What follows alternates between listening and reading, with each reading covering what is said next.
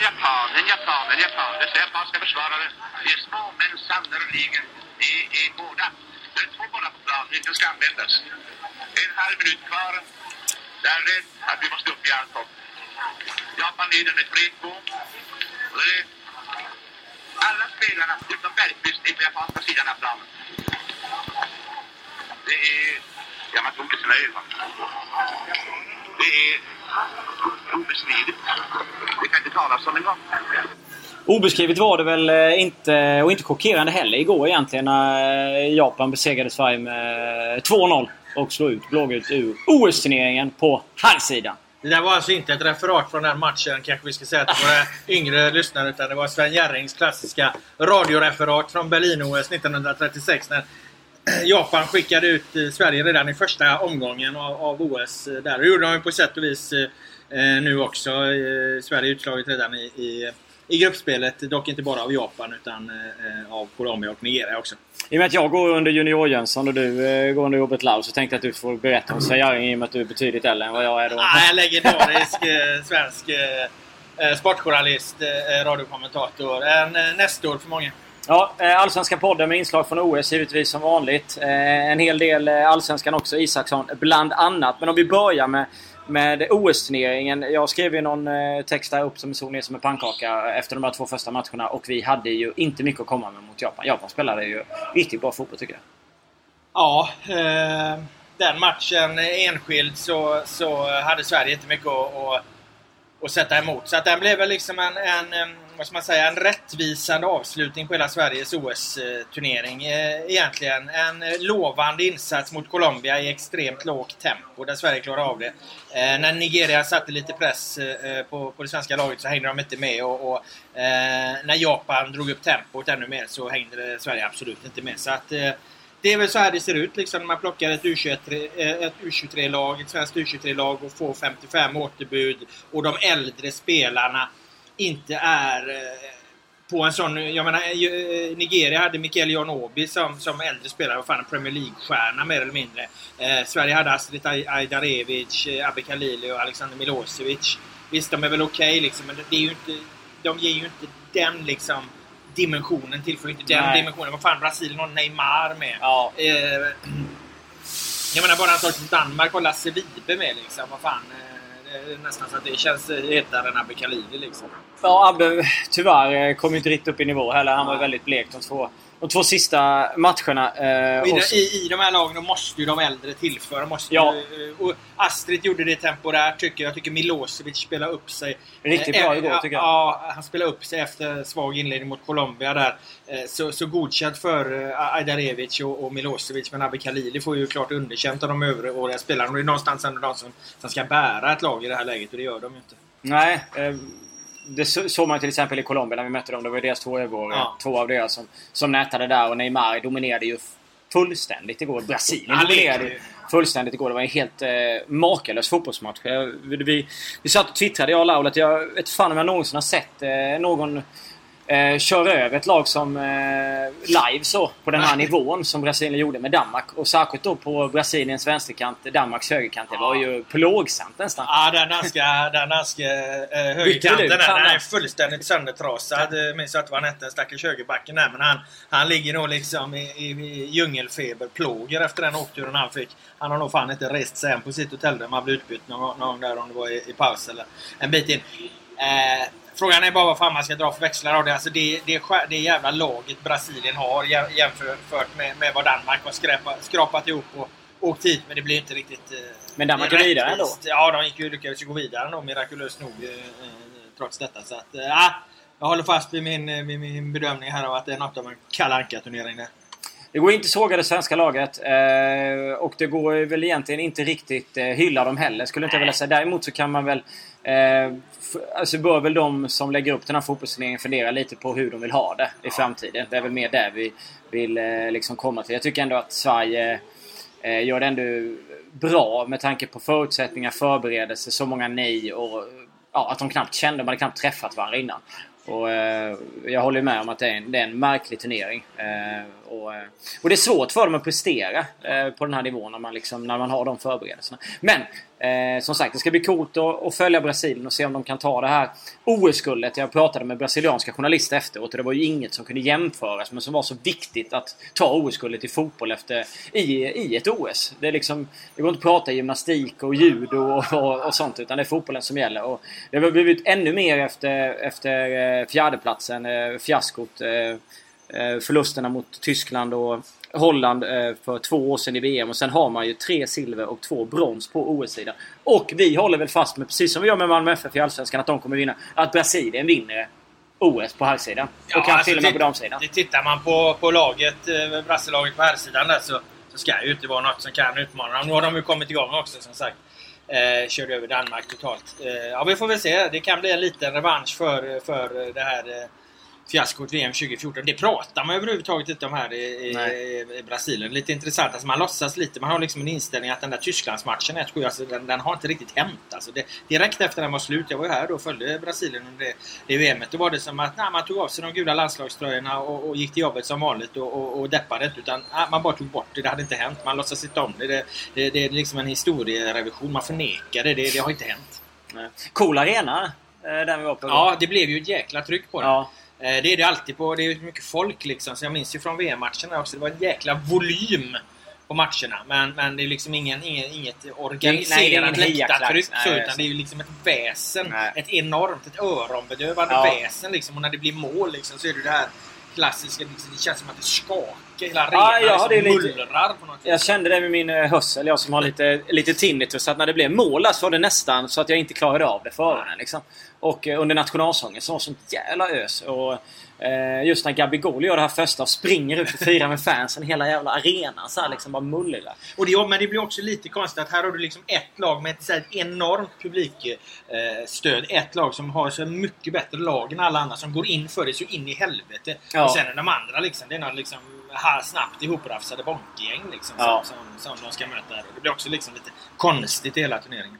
Och Argentina åkte ut. Eh, dåligt. Eh, Mexiko som vann för fyra år sedan är inte samma lag. Även om Peralta var med som avgjorde den finalen. De har också åkt ut. Och det laget som kanske har imponerat mest eh, är väl det laget som jag såg mot Sverige på eh, inför turneringen. Det är väl Sydkorea. De var ju ett jävla driv. Eh, och vinner matcher och gick, vann ju den gruppen före Tyskland. Det var väl ingenting man trodde på egentligen innan. Man kanske trodde att de kunde hota Mexiko och och lite sådär men jag har gjort det riktigt, riktigt bra. Så det ska väl ändå bli kul. Och sen Nigeria givetvis med. Mikael mm. har ju varit fantastisk. Ja, Nigeria blir intressant att följa här och se, se, se hur de kan stå sig. Det är klart att deras försvar kommer förr eller senare äh, sättas Vika på ordentliga prövningar. Men de får väl Danmark nu då va? Om jag, ja, det är sant. Stämmer bra. Där, ja, det är Tyskland, Portugal. Eller vad? Jo, Tyskland, ja, Portugal. Brasilien, Colombia. Ja. Brasilien kommer köra över Colombia totalt. Och så Nigeria, Danmark där. Det tror jag väl ändå att Nigeria vinner. Ja. Eh, och så det du sa där då. Ja, exakt. Eh, vi går vidare. Med... Ja, det var ett efterspel där till matchen också. Ja, just det. Det var det jag skulle komma till. Det var ju det som egentligen... Eh, eller det var ju det som blev snackisen efter. Det var inte så mycket om hur... Simon Tiblund kom ut och var riktigt, riktigt knäckt. Först han, det var, han, sa, han pratade om svart hål, det var hemskt. Han var, han var helt, helt nere. Men sen så eh, ändrade du fokus. För när jag stod där i den mixade zonen så höll du på en presskonferens. Så jag såg ju inte detta. Men där var Robert Laul han ställde en fråga. Sen ser jag Astrid Ajdevic komma gråtandes eh, tröstas av Håkan Eriksson och eh, Staffan Stjärnholm. Och sen när han kommer ut i den mixade zonen så är han ju också... Eh, man ser han är tårögd och han har gråtit. Så. Men du ställer frågan om... Eh, ja, du kan ju ta frågan i... Ja, alltså jag frågade ju i och med att Jan Andersson hade gjort sitt sommarprogram där och, och gjort ett utspel som ju gick att tolka som ett krav, uppmaning, önskan. Det var lite, hängde lite i luften där. Vad, vad var det han menade egentligen? Janne, krävde han att, att spelarna skulle eh, sjunga nationalsången. Det, det var egentligen det han sa. Mm. Sen kunde man liksom någonstans med sunt förnuft anse att okej, okay, han kanske inte kommer sätta det här hårt mot hårt. Men, men det, var, det var ju hårt eh, formulerat. Så var det mm. de, de, de, som stod där på gräset, de skulle kunna den här sången för att här i, det här, i mitt landslag så sjunger vi med fansen. Och då var det ju den här raka frågan både till Håkan Eriksson och, och, och Astrid Ajdarevic eh, som satt på presskonferensen. Hur ser de på, på det här utspelet? Och framförallt till Astrid då, som ju är en av de spelare som ja, väljer att inte sjunga nationalsången. Vilket givetvis enligt min mening är helt okej. Okay.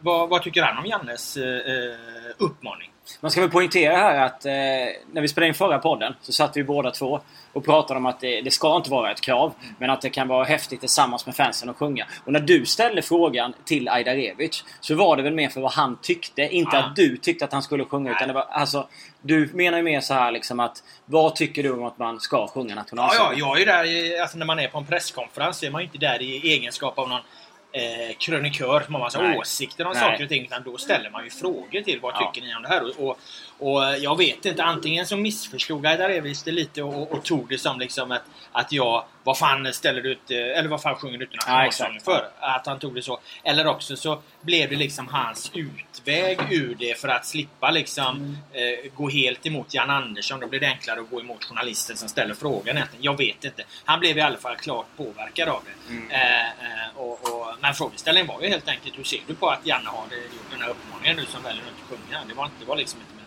Men det blev ju en... en, en jag menar, saken ställdes ju verkligen på sin spets genom Ja. det här. Det blev ju känslosamt. Jag menar, sen kom han ut och, och, och förklarade varför han eh, eh, inte, eh, eller väljer att inte sjunga, vilket jag tycker är helt okej. Han eh, förklarade även varför han tror att många lagkamrater väljer att inte Ja. sjunga. Jag menar, och jag menar, det, man kan göra det här till en fråga om lite allt möjligt. Men jag menar, jag minns ju Tobias Linderoth. Han sjöng aldrig nationalsång. Han eh, stod och laddade på sitt Stefan Schwarz sjöng ingen nationalsång. Nej. Alltså jag tycker, vad fan, spelare behöver inte sjunga någon jäkla nationalsång. Och nu har ju Jan Andersson gått ut och sagt att, ja men vad fan, jag var otydlig. Ja. Jag vill förtydliga mig. Det är absolut inget tvång. Vill man inte sjunga så behöver man inte det. Och fan, det kunde man väl sagt från början då. Ja, det, det handlar ju om... Eh, eh, din fråga var ju vad han tyckte, inte att du tyckte att han skulle sjunga. Ajdarevics svar som han ger är absolut inte fel. Jag tycker att det är helt rätt för honom att han berättar vad han känner. Det är Ja. inga konstigt. Det enda som är lite kon- konstigt här, det är ju Jan Anderssons otydlighet från första början. Ja. Han kunde ju varit tydlig och bara sagt att jag ser gärna att man sjunger nationalsång. Ja. Men det är inget tvång. Nej. Då hade vi inte haft den här grejen. Nej, nej, då hade det aldrig blivit en, en, en sån här stor grej. Nej. Men eh, det blev i alla fall eh, det som eh, vi Sen, sen, sen tycker jag lite, ja, det kan man lägga till till Jannes försvar då. Alltså jag menar att ett, ett ledarskap, ett bra ledarskap handlar ju inte alltid bara liksom om att peka med hela handen. Utan det handlar ju faktiskt också om okej fan där blev det fel. Eh, nu, nu gör vi så här. Jag menar för att fel kommer det ju alltid bli. Ja. Fel gör vi, fel gör spelare, fel gör förbundskapten, Ja. fel gör fans. Fel, fel gör alla liksom. Och det är snabbt okej, nu går man ut och rättar till det. Fine, eh, lägger det åt sidan och, och, och, och, och sen är det bra med det. Jag tycker inte alls att jag har sett några så här reaktioner på, från Facebook och från vissa kommentarer som har kommenterat och, och tyckt och tänkt att ja men nu har vi fått en Hamrén igen som velar hit. Nej, nej, nej. Det tycker jag absolut inte. Jag, jag tror, tror liksom inte det. Utan att Janne underskattar nog sprängkraften i den här frågan. Han såg det som eh, det här ska vi göra tillsammans med våra fans. Han vill eh, koppla laget närmare fansen. Men det är ju en fråga med, med en, som sagt, med en oerhörd sprängkraft i som, som, som eh, blir jävligt omdiskuterad. Och då måste du vara extremt tydlig när du tar upp den. Ja, exakt. När du har en roll som förbundskapten. Det är alltid stort att kunna erkänna att man... Eh, nu erkänner han väl kanske inte att han gjorde fel, men han f- Ja, förtydligade han sa sig. att han Ja. var, otydlig. Liksom. Ja, otydlig. Så att, eh, det är ju bra att man kan göra det. Så att det ser inga konstigheter där. Hur som helst, OS-fotbollen är slut för oss nu i alla fall. Nu kan det mycket möjligt bli så att vi ser Brasilien skjuta hem det där guldet i Rio de Janeiro. Ja, eller är det Belo Horizonte? Nej, Rio de Janeiro. Ja, finalen är Ja. i Rio på Maracanã-stadion. Ja. Brasilien spelar ju egentligen aldrig på Maracanã-stadion för att de, de har liksom inte det stöd. De har mycket större stöd ute i de andra brasilianska städerna så att de lirar väldigt få landskamper på Maracanã-stadion. För där är det liksom, det är som i Stockholm med, med klubbfotbollen. Alltså det finns ett antal klubblag som är oerhört stora bland supportrarna där. Landslaget är inte, är inte lika populärt och stort där. Så de spelar egentligen inte, inte, inte sina Nej. matcher där. Sen har man ju den gamla 1950-matchen också när de förlorade mot Uruguay där. Och Ja, förlorade, det. förlorade VM-guldet. Så att eh, de är skrockfulla i det här landet. Eh, så att de eh, spelar på andra orter eh, fram till finalen. Och upplägget var för övrigt samma under VM 2014. Brasilien, första gången Brasilien kunde komma till Maracanã-stadion, det var i finalen. Och dit kom de aldrig. De spelade aldrig under VM, VM 2014 på Maracanã-stadion. Får se om de kommer dit den här gången. Ja, då är i alla fall jag och Laul där, eh, som det ser ut just nu. Hur som helst, eh, vi eh, drar ju och bevakar damerna. Det ska bli PS-söndagen mot sitt gamla gäng i USA som man vann OS-guld med. Eh, där Sverige eh, kommer få det svårt. Ja, det vi väl tror då blir, eh, om vi är rätt eh, inlästa på det här, eh, Pia Söndages eh, sista, Ja. sista strid. Om Sverige nu åker ut mot USA då. Jag har svårt att se det jag har sett. Jag har bara sett matcherna på TV, dammatcherna, och såg faktiskt inte Kina-matchen. Jag såg bara fan, lite. ja, du såg den på stream där. Jag fick fan inte in den på någon kanal. Så att, men de andra har jag sett en del av. Jag såg dem mot brassarna och jag såg dem mot... Eh, Ja, mot Brasilien var det plågsamt att kolla på ja, Sverige. ja, ja, och så var det, var det Sydafrika första. Ja, första. Ja, ja, eh, såg jag också. Eh, nej, så att allt talar ju för att USA vinner matchen. Det här blir Pias eh, sista landskamp. Mm. Eh, ja, så vi lämnar ju eh, Salvador för Brasilien och sen åker vi vidare till Rio. Mm. Jag ska ju fan göra handboll. Ja, det ska jag med. Jag ska göra damernas handboll. Min gamla barndomspolare, mina bästa vänner, är ju för fan blivit förbundskapten för det här damlandslaget. Det är hur stort som helst. Henrik Signell. Så att han ska vi punktmarkera sen när vi kommer till Rio. Ja, Fantastiskt. kommer jag jaga dig. Med allt jag har. Håll i hatten. Vi, eh, men vi lämnar OS-fotbollen och så går vi till Allsvenskan. Vi har ju en eh, transfer som får oss att eh, bli glada och vi måste ju hylla Andreas Isaksson. Ja, till Djurgården. eller hylla Bosse Andersson. Som ja. vi var på. Vi var ju, jag var ju starkt kritisk mot klubbledningen och sparka tränare liksom för att, för att rädda sig själva. Rädda sitt eget skinn. Här kom snytingen tillbaka. För, för dåligt liksom. Bosse han liksom väntade ett dygn. Sen kom örfilen tillbaka. Då kom Andreas Isaksson. Nej men det är ju en extremt tung värvning. Den är så tung den värvningen Andreas Isaksson. Vad fan har han gjort? 120 landskamper liksom. Ja, något sånt. Ja. Uh, han kliver in, han var en av Sveriges bästa spelare bara under fotbolls-EM. Det, mm. det, är en mm. månad bort liksom. Så att han håller ju en, en jättehög internationell uh, nivå. Och, alltså den är så tung den värvningen skulle jag säga så att den får mig, fick mig att vilja spontant sätta ihop listan över de fem bästa värvningarna i Allsvenskans moderna historia. Vi går inte ända Från tillbaka. 2000. Ja, vi går inte tillbaka okay. till IFK Göteborg och Malmö och vad, vad de hämtade hem där på 80-90-talet. Men innan vi gör det här så vill jag ändå eh, ta två, eh, två grejer. Ja. Eh, kan han bli en ny Rami Shaban? alltså det är ju inget positivt. nej, nej. Kan man inte säga. Nej, nej, Rami flyttade hem. Han nej, det tror jag inte. Jag menar, i, i, i, det var som jag sa. Vad fan, han, var en av, han var Sveriges kanske bästa spelare i fotbolls-EM för en månad sedan. Eh, han är inte skadebenägen så vad jag vet liksom. Eh, han har många år kvar. Jag, nej, för fan tvärtom alltså. Han kan, kan, han kan bli en riktigt, en riktigt bra värvning i Allsvenskans eh, moderna historia. Tvärtom.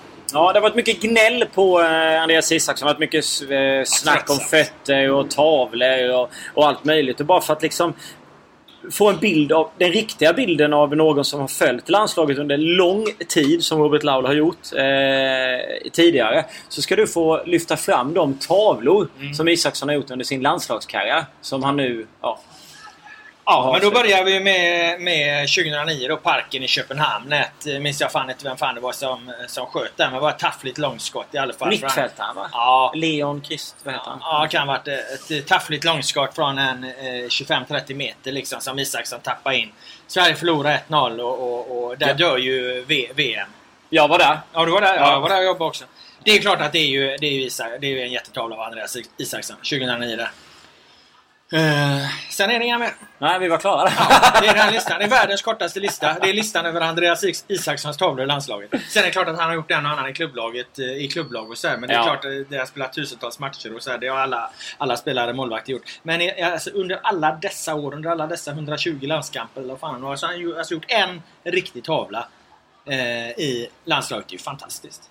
Ja, och vi får ju komma ihåg att okej, okay, de som har sågat honom har ju inte sett alla hans matcher i Turkiet. Utan de har ju sett honom i landslaget och det är ja. det de baserar sågningen på. Ja, och där har de ju fel. Ja, det är ju obegripligt. Ja. Och så har folk på och tjafsar att han är dålig på fötterna. Ja, men vad fan är väl en målvakt? Ska för fan inte spela med fötterna? Alltså, eh, eh, målvakt ska vara bra på att rädda bollar med händer. Visst, det är en jättebonus eh, om du kan lira som Neuer och, och, och ja. Men jag menar, vad fan, det måste du inte göra. Det är klart att det är bra i, i någon promilles del av matcher att du kan rulla tillbaka där eller du kanske kan få, få ett bättre uppspel eller så här. Men jag menar så länge du kan skjuta hyggliga utsparkar och kasta ut bollen. Alltså du, målvakt handlar om till, till 99,9% om, om, om vad de gör i, när de agerar liksom. Styr försvarsspelet, eh, deras luftspel, rädda skott, rädda frilägen, bla bla. Ja. Det är ju det som är relevant, inte vad fan de gör med fötterna. Det är ju någon liten jävla jättedetalj som folk så hänger upp sig på. Mm. Skitsnack. Jakob Paulsson var det, 79 minuten. Ja. Det är Isakssons enda tavla. Världens kortaste lista. Andreas Isakssons tavlor i, i, landslaget. Vi tar en lite längre lista då istället. Ja. Eh, det ska ju vara de fem bästa värvningarna. Ja, på 2000-talet eh, säger vi då. Ja, exakt. Eh, åtminstone som vi kommer ihåg här snabbt. Och Men... vi börjar med Borås. Vi måste ranka dem och då är Borås... Ja, vi börjar på den första alltså. Han är göteborgare nu. Eh, eller ska ja, vi börja på? Ja, nu har jag avslöjat ettan. Ja, vi kör från början. Vi kör från första ettan. Ja, ettan. Ja, men Anders Svensson när han kommer hem till svensk fotboll och till Elfsborg 2000 Eh, sex är det väl? Det blir det väl? Ja, ja. inför den säsongen där, där Elfsborg vinner guld sen. Eh, alltså, vad han har betytt för sin klubb. Att plocka hem en spelare kostade 10 miljoner att ta hem där. Tror jag Elfsborg totalt betalat 12 miljoner för, för de tog det på någon sån här liksom eh, skattemässiga fördelaktiga skatteregler mellan Sverige och England. Så han pröjsade honom eh, 10 miljoner. Selling a little or a lot? Shopify helps you do your thing however you cha-ching. Shopify is the global commerce platform that helps you sell at every stage of your business. From the launch your online shop stage to the first real life store stage, all the way to the did we just hit a million orders stage. Shopify is there to help you grow. Shopify helps you turn browsers into buyers with the internet's best converting checkout. 36% better on average compared to other leading commerce platforms because businesses that grow grow with Shopify. Get a $1 per month trial period at shopify.com/work. shopify.com/work. fick 10 miljoner i fickan och, och, och, totala kostnaden för Elfsborg 12 miljoner. Vad de fick för det under, under dessa liksom, nio år som Anders Svensson spelade. Han, gjorde, han gjorde ju liksom Elfsborg till en storklubb i kombination ja. med den nya arenan. Och så jag kan inte se någon värvning som har, har bidragit med så väldigt mycket positivt till en enskild klubb som Anders Svensson gjorde, värvningen av Anders Svensson gjorde under lång tid. Om vi då tittar på, på 2000-talet. Så han är ohotad etta på min, min lista där man tittar på vad, vad liksom en spelare har, har bidragit med. Nummer två hittar vi i Skåne. Ja, eh, nummer två det är Marcus Rosenberg. Det är också en hemvändare då. Kommer hem till Malmö FF och, och, och, det ligger ju så nära i tid så det minns ju alla. Men jag menar Rosenberg var ju central för att Malmö FF två år rad tar sig till Champions League. Central för att Malmö FF idag har, var de 500 miljoner på banken. Central för att Malmö FF antagligen kommer dominera svensk eh, fotboll un, under lång tid. Eh, det är klart att det inte bara var Marcus Rosenbergs förtjänst men en stor del ja. var, var ju det. Han gör de avgörande målen. Han är referenspunkten i anfallsspelet. Han är liksom ledaren, kaptenen som tar det här laget på sina axlar som, som, som visar med alla, allt han kan att han har varit med där tidigare. Så att eh, eh, på, på liksom vad han har bytt ut ekonomiskt och så, så är det ju mycket mer än vad Anders Svensson egentligen. Så där kan man väl säga att Rosenberg var ännu, ännu viktigare. Men, men Malmö var, var redan en sån stor och etablerad toppklubb på något vis. Eh, Elfsborg jag menar backa till 2006 så var Elfsborg, visst de som var med på 60-talet minns att Elfsborg var, var, var, var, var ett bra lag. Men alltså alla vi som följt Allsvenskan på 80-90-talet, vi hade liksom ingen relation till Elfsborg på det sättet. Nej. Eh, de, de blev en klubb att räkna men Anders kom dit. Och så Rosenberg då eh, som, ja, som sagt, jag sätter ändå honom tvåa på listan för Anders har gjort det bättre under lång tid. Så de två ohotade där. Nummer tre eh, är ju en av landslagets bästa fotbollsspelare mm. genom tiderna. Där får man väga in lite Henke Larsson. Där får man väga in lite andra parametrar i det hela. Där var det så jävla stort att Henke valde att komma hem till Allsvenskan. Eh, det är ju fan nästan som att Zlatan skulle komma hem till, till, till Malmö liksom. Det lär inte hända. Men, men eh, Henke gjorde i alla fall det. Jag menar vad fan, han hade ju avgjort Champions League för Barcelona och kom hem till HF. Eh, han, han, han tar inget guld med Helsingborg så att de får inte den effekten. Men de går ju faktiskt till, vad fan, åttondelsfinal i, i eh, det som sen blev Europa League-gruppspelet ja. då. Det var ju, hette Uefa-cupen då fortfarande. Eh, och där är ju Henke central som, som, som tar Mycket. dit då. Eh, så det är klart att de får den effekten. Men, men, men där lägger jag in lite andra parametrar än just vad, vad, vad det har betytt för klubben. Där tar jag med hur jävla stort det är att en, en spelare på Henke, som Henke Larsson liksom kommer hem och lirar i sin moderklubb i Allsvenskan. Och han tränar där också. Så vi ska inte glömma hur häftigt det egentligen var. Ja, det där var tre eh, hemvändare. Ja. Sen har vi väl i och för sig en, om vi nu ska ha en fjärdeplats eller bubbla eller vad fan vi ska kalla det. Så, så alltså, Mohamed Bangura är ju intressant på, på den här listan. Liksom, han är ju en värvning och han är en hemvändare också på sätt och vis om man, om man tittar på allt han har gjort i AIK. Alltså, jag menar, de tar honom från Värnamo för en och en halv miljon där 2010 liksom. Alex Miller och, och eller vad fan det var som plockade dit honom 2010. Westerholm var det kanske. Eh, är med och, och räddar AIK kvar när de har ett prekärt läge 2010. Är med och tar dem till Europa League-gruppspelet med, med, med, Andreas Almer. Blir såld för en 20 miljoner liksom. Ja. Eh, kommer tillbaka visserligen efter en session i, i, i eh, Elfsborg då. Eh, ja, det var osmakligt liksom. Hat mm. mot honom från mm. AIK-supportrarna. Eh, men det har inte med, med Bangoras värvningens storlek att göra. Man kommer tillbaka till, till AIK och gör insatser för klubben för, för inga pengar alls i princip. Och så kan de sälja honom ytterligare en gång för en 15 miljoner eller 15-20 eller fan de fick för honom. Liksom. Så att eh, det, är, det är en otrolig otrolig grej hur mycket pengar de drar in på en spelare som är två, två försäljningar. Plus att han faktiskt sportsligt också, glömmer man lite, har varit med om två rätt stora händelser. Dels hjälpa dem kvar 2010 när de var utsatt mm. läge och sen faktiskt också gå till Europa League-gruppspelet. Ja. Och nummer, nummer fem här nu om vi ska ha Ja, vill du sticka in där? Bubbla. Ja, det var Niklas Alexandersson. Eh, IFK Göteborg vann ju ett guld under hans, eh, hans tid. Och jag minns ju när han kom hem. Han hade väl sagt nej. Han hade väl en skitperiod i Everton va? Mm. Sa nej till massa miljoner och flyttade hem för att han mådde liksom... Hans karriär var ju skit liksom. Och jag eh, vet att eh, de varvade väl George Morad vid tillfället samtidigt. Där, och han och de åkte, kom igång samtidigt. Jag tyckte att han betydde jävligt mycket för IFK Göteborg. Han var med och vann guldet och han liksom blev en ledare i laget och på plan och hela den biten. Så jag tyckte ändå att han, han har spelat en stor roll för de åren där. Sen kan man ju inte jämföra med, med Anders Svensson. Det är därför Anders ligger högre eh, och så vidare. Men jag tycker ändå att han eh, hade en liksom, stor bild i de åren som såg bra ut för Göteborg. Ja, alltså han var otroligt bra. Han, jag minns att han var så bespottad ändå. Han, hade ju Ja, han liksom- var ju det. Det var han det var given var- i landslaget där 2002. Sen kom han in i en svacka så han var petad ur EM-truppen där 2004. Och så kommer han hem till, till, till IFK Göteborg och tar sig tillbaka till Ja, landslaget. och, och spelar ju både VM 2006, EM 2008 som, som liksom en ordinarie eh, svensk landslagsspelare. Det gör han i, i Allsvenskan. Så att han är ju central för IFK Göteborg de här åren och är svinbra där. Men, men det ger ju till slut inte mer än ett allsvenskt guld liksom. De, de Men ett allsvenskt guld är inte så dåligt. Det är det Nej, nej, de det, nej, men om man jämför med alla, med, med liksom alla de andra. Ja. Liksom. Jag menar IFK Göteborg är ändå också, som jag var inne på Malmö där tidigare, inte så att de tar någon liten gärdsgårdsklubb liksom, Nej. och gör till mästare utan det är en Blåvitt vi pratar.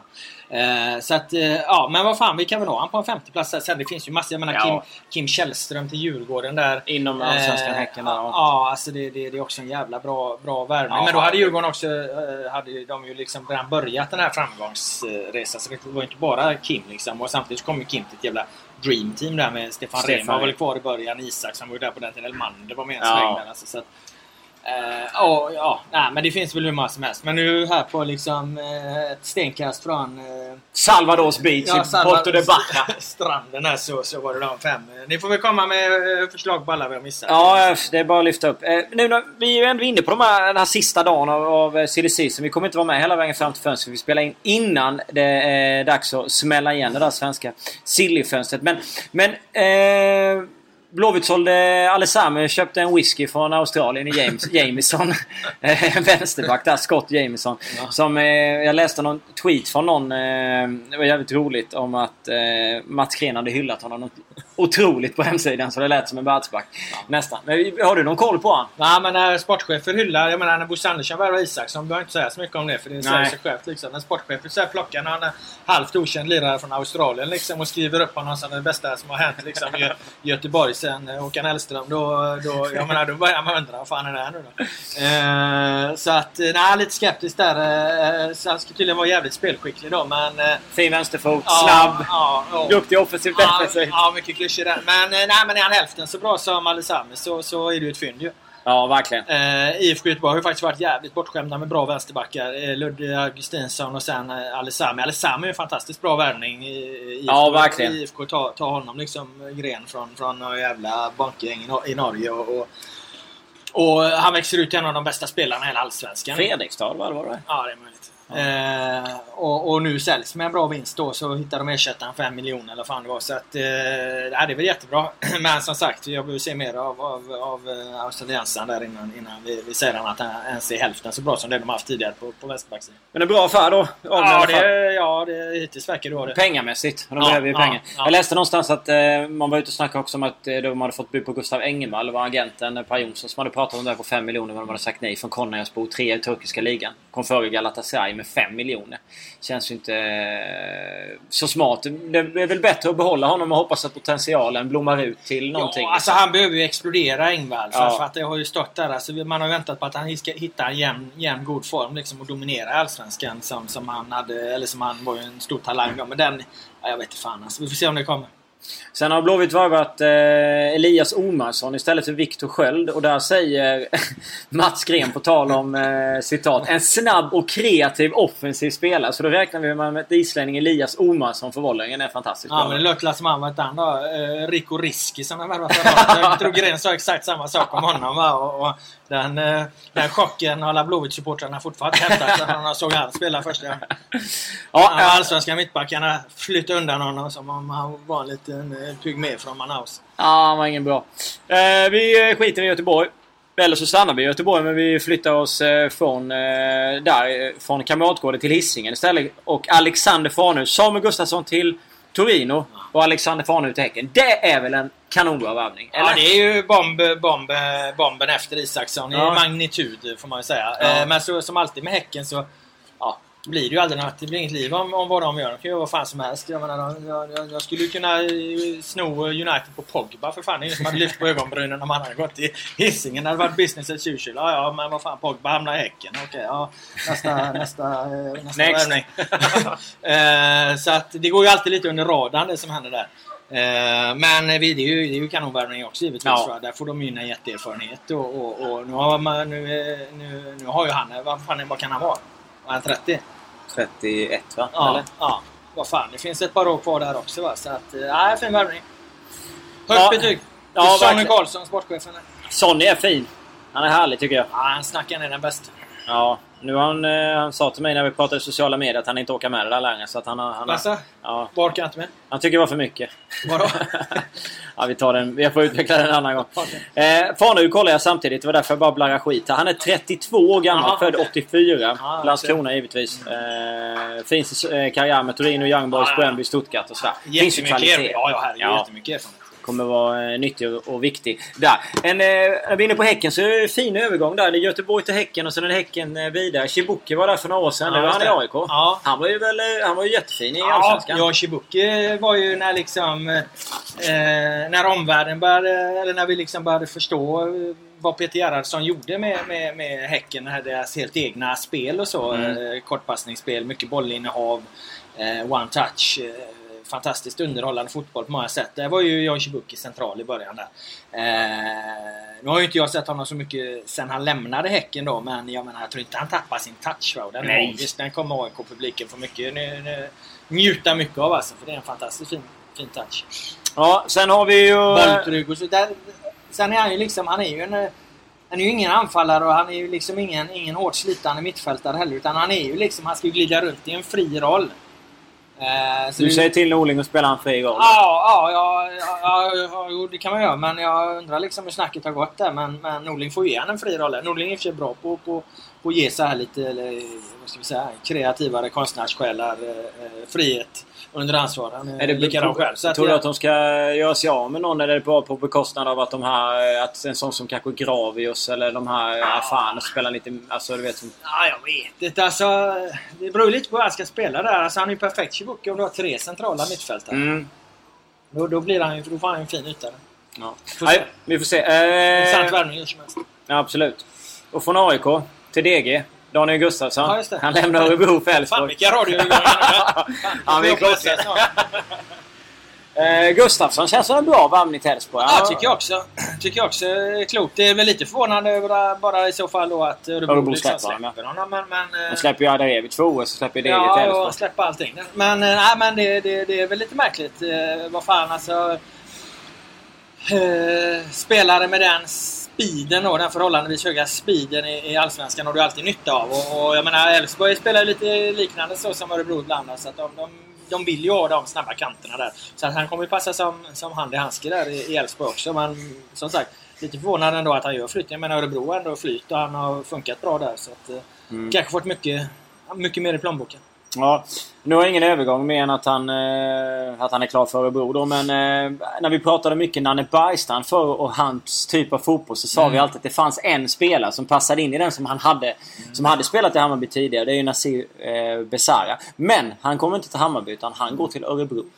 Ja, Han ersätter väl eh, Lege då?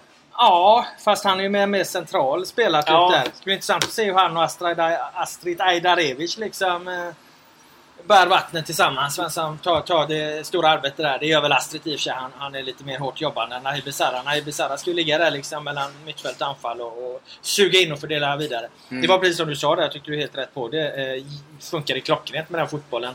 Mm. Eh, Nanne ville spela i, i Bayern och var extremt lyckosam och få en proffskarriär på det. Nu vänder han hem då. Jag vet inte riktigt varför han gör det egentligen. Men, men, eh, Han tror det var fritt fönster. Han har bytt kontraktet Ja, i okej. Turkiet. Eh, så att, eh, nej men absolut. En sån spelare skulle tillföra överallt. Det var alla snack om att han skulle till, till Sundsvall eh, först. Men det känns som han är alldeles för bra för. Så att då känns det logiskt att han går till ett lag som ligger lite högre upp i tabellen.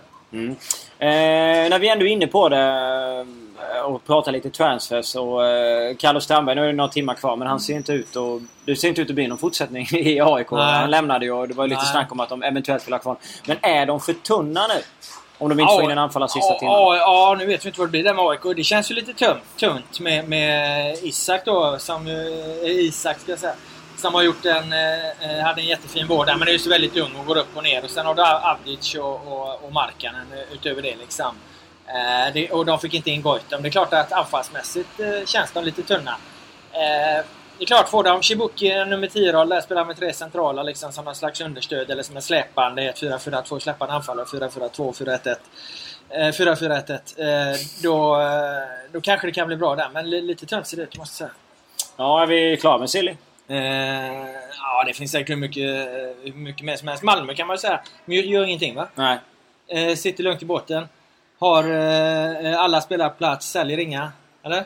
Nej, inte vad jag... Det måste ju ändå vara rätt skönt liksom. Medan liksom, i konkurrenterna så får du spelare kors och tvärs. Lite som säljs till höger och vänster. Malmö behöver inte göra någonting. Kan bara liksom in en bra flow. Kan bara jobba vidare med samma lag. Norrköping lite li- likadant. De har ju haft sitt... Sitt... Eh, eh, Eliasson sitt kom in. Där. Och sen tar de in Elias. Jag tänkte på de spelarna de Ja, förlorade just det. med, med Traustason. Men de gjorde det ganska tidigt. Så att, eh, de, det har inte varit så stökigt för dem på slutet här. Det verkar också som att de liksom har landat i, i, i, i vad de ska fortsätta med här under hösten. Och så tar de in Eliasson då som eh, sänker häcken direkt va. Mm. Eh, jäkligt smart. Jens Gustafsson känner ju honom från AIK och vet hur han ska användas. Och, och, och så är det ju en sån här spelare som man bara väntar på. Där har du också den speeden. Liksom, ge, ge, honom, ge honom möjligheten att utnyttja det så, så är det klart att du kan ha nytta av det. Allsvenskan, du möter försvar liksom som, som står på hälarna och, och är mer eller mindre stelopererade på sina håll. Klart att du kan, kan ha en jävla fördel med snabba spelare. Hur ser du fram att se eh, Mikael, John Åby och John Mikels polare eh, Obasi då? Ja, men det blir spännande. Eh, Allra mest spännande är väl man få om, om liksom Mikael Janoby gör verklighet av sitt halva löfte där att han kommer till AIK om en, Ja. fem- om en 5-10 år som han sa på en presskonferens. Hur gammal är han då? Ja, jag vet inte. 40? Ja, 45. eh, nej, men det, när det gäller Malmö så var det väl mer snack inför säsongen där, då när det var lite turbulens om att Ado skulle skeppas i, i, i sommar eller före och så vidare. Och sen var han ju så pass bra så att de ville väl inte göra sig av med honom. Och då var det nästan som att Lewicki skulle försvinna. Man har väntat lite på Anton Tinnerholm som hade en sån fin kurva, gick ner sig lite, han skulle bort och sådär. Så att, Ja, eh, Kjartansson jagades ju av eh, när vi, eh, jag och Per Boman var och tittade på fotboll så, eh, tillsammans här och bevakade någon match. Jag kommer inte ihåg vilka de mötte då. Men då var det ju eh, scouter från Championship som var där och sådär. Så det är ju mer försäljningar nästan att hämta in. Men de, de lär ju kunna ersätta om Ja, det, och det det, det är det. Och sen liksom. behöver de inte sälja. De, de, det var ju det vi pratade om där när vi fick någon fråga varför svenska klubbar säljer så lågt. Malmö har ju ändå sån omsättning nu. De Ja. har så mycket pengar. Så de behöver inte, de behöver inte tacka ja till något liksom, struntbud på 20 miljoner. Ett struntbud menar jag att det kan vara jättebra för en annan klubb som har lägre omsättning. Men för Malmö behöver det inte vara så bra. De kan säga nej men vi ska ha 30-40 miljoner för den här gubben. Då säljer vi honom. För då gör vi en jävligt bra affär på Mm. Ja. det. Och då kan vi hämta in en ersättare också. Eh, så att jag menar det är enda sättet att få upp eh, övergångssummorna på, på tid. Liksom. Det, det är att jobba upp, eh, jobba upp eh, pengarna på banken, jobba upp omsättningen så, så kan du ta mycket mer betalt. Ja, de är ju dumma om de skulle sälja Kjartansson för jävla Ja. reapris liksom nu. Det finns ju ingen Nej, anledning nej, till de får agera som en sån där storklubb de är. Ja. kan de göra. Kristoffer vill höra om kvaliteten på pressfika till OS. Jag skulle säga att det är ingen vidare kvalitet på någon mat eller fika överhuvudtaget för de här arenorna. Nej, det är... Det var katastrof Ja, igår i fan- Salvador. Vi var ju där i det. 5-6 timmar och åt en äcklig hamburgare som fastnade i... Ja men det var ju fan inte ens ett pressfika ju. Det fick du betala för. Nej, det fick som jag i sig pressfika betala. menar vi på vad liksom... Vad, vad, vad klubbar och förbund och så här, Jo, jag menar, att, journalisterna. ja, jag menar att de hade inte ens det utan vi fick liksom köpa hamburgare och skit. Ja, så illa var jävla toast fick jag tag på. Nej men de har ingenting. Det finns inte något. Det finns inte ens mjölk till kaffet. Till pulverkaffe. Fan sämre än Djurgården ju. Som ju har ett av de svagare eh, pressfikan eh, annars. Eh, så att det är, det är fan på gränsen till 1 plus skulle jag säga pressfikat under OS. Besviken. det, Var det likadant för två år sedan? Eh, VM. Eh, ja, hur fan var det då? Pressfika, det minns jag fan inte. Det, pressfika är, det är sånt du lever i för stunden. Sen så, liksom, så, så lägger du det åt sidan. Jag minns Ja. fan inte vad de hade för pressfika 2014. Det enda pressfikat du aldrig glömmer är det du brukade få i Borås. Nej, det, det, det sätter sig för livet alltså. Fy fan, de våfflorna. Hur bra som helst. Ja, men det har Brasilien mycket att lära av Borås. Ja, eh, kan man lugnt säga. Vi eh, ska snart röra oss eh, vidare mot, eh, mot Brasilien. Vi sitter alltså och tittar ut över rätt fin strand och fint vatten i, i, i Salvador. Ja. Eh, Ska ta en promenad där och köpa en glass åt Junior Jönsson också. Jag har redan köpt dagens glass. Det godaste man kan äta här i Brasilien är annars Bo- Bob's Shake. Alltså, de är överjävliga på milkshake i det här landet. Förbannat Mm. gött. Men det är lite långt att gå dit så vi Krokante. stoppar vi en glass idag. Eh, Bob's Milkshake Krokante. 5 plus. Kommer ni till Brasilien någon gång så, så Bob's Shake, det är ett hett tips. Tack för att ni har varit med oss den här gången igen.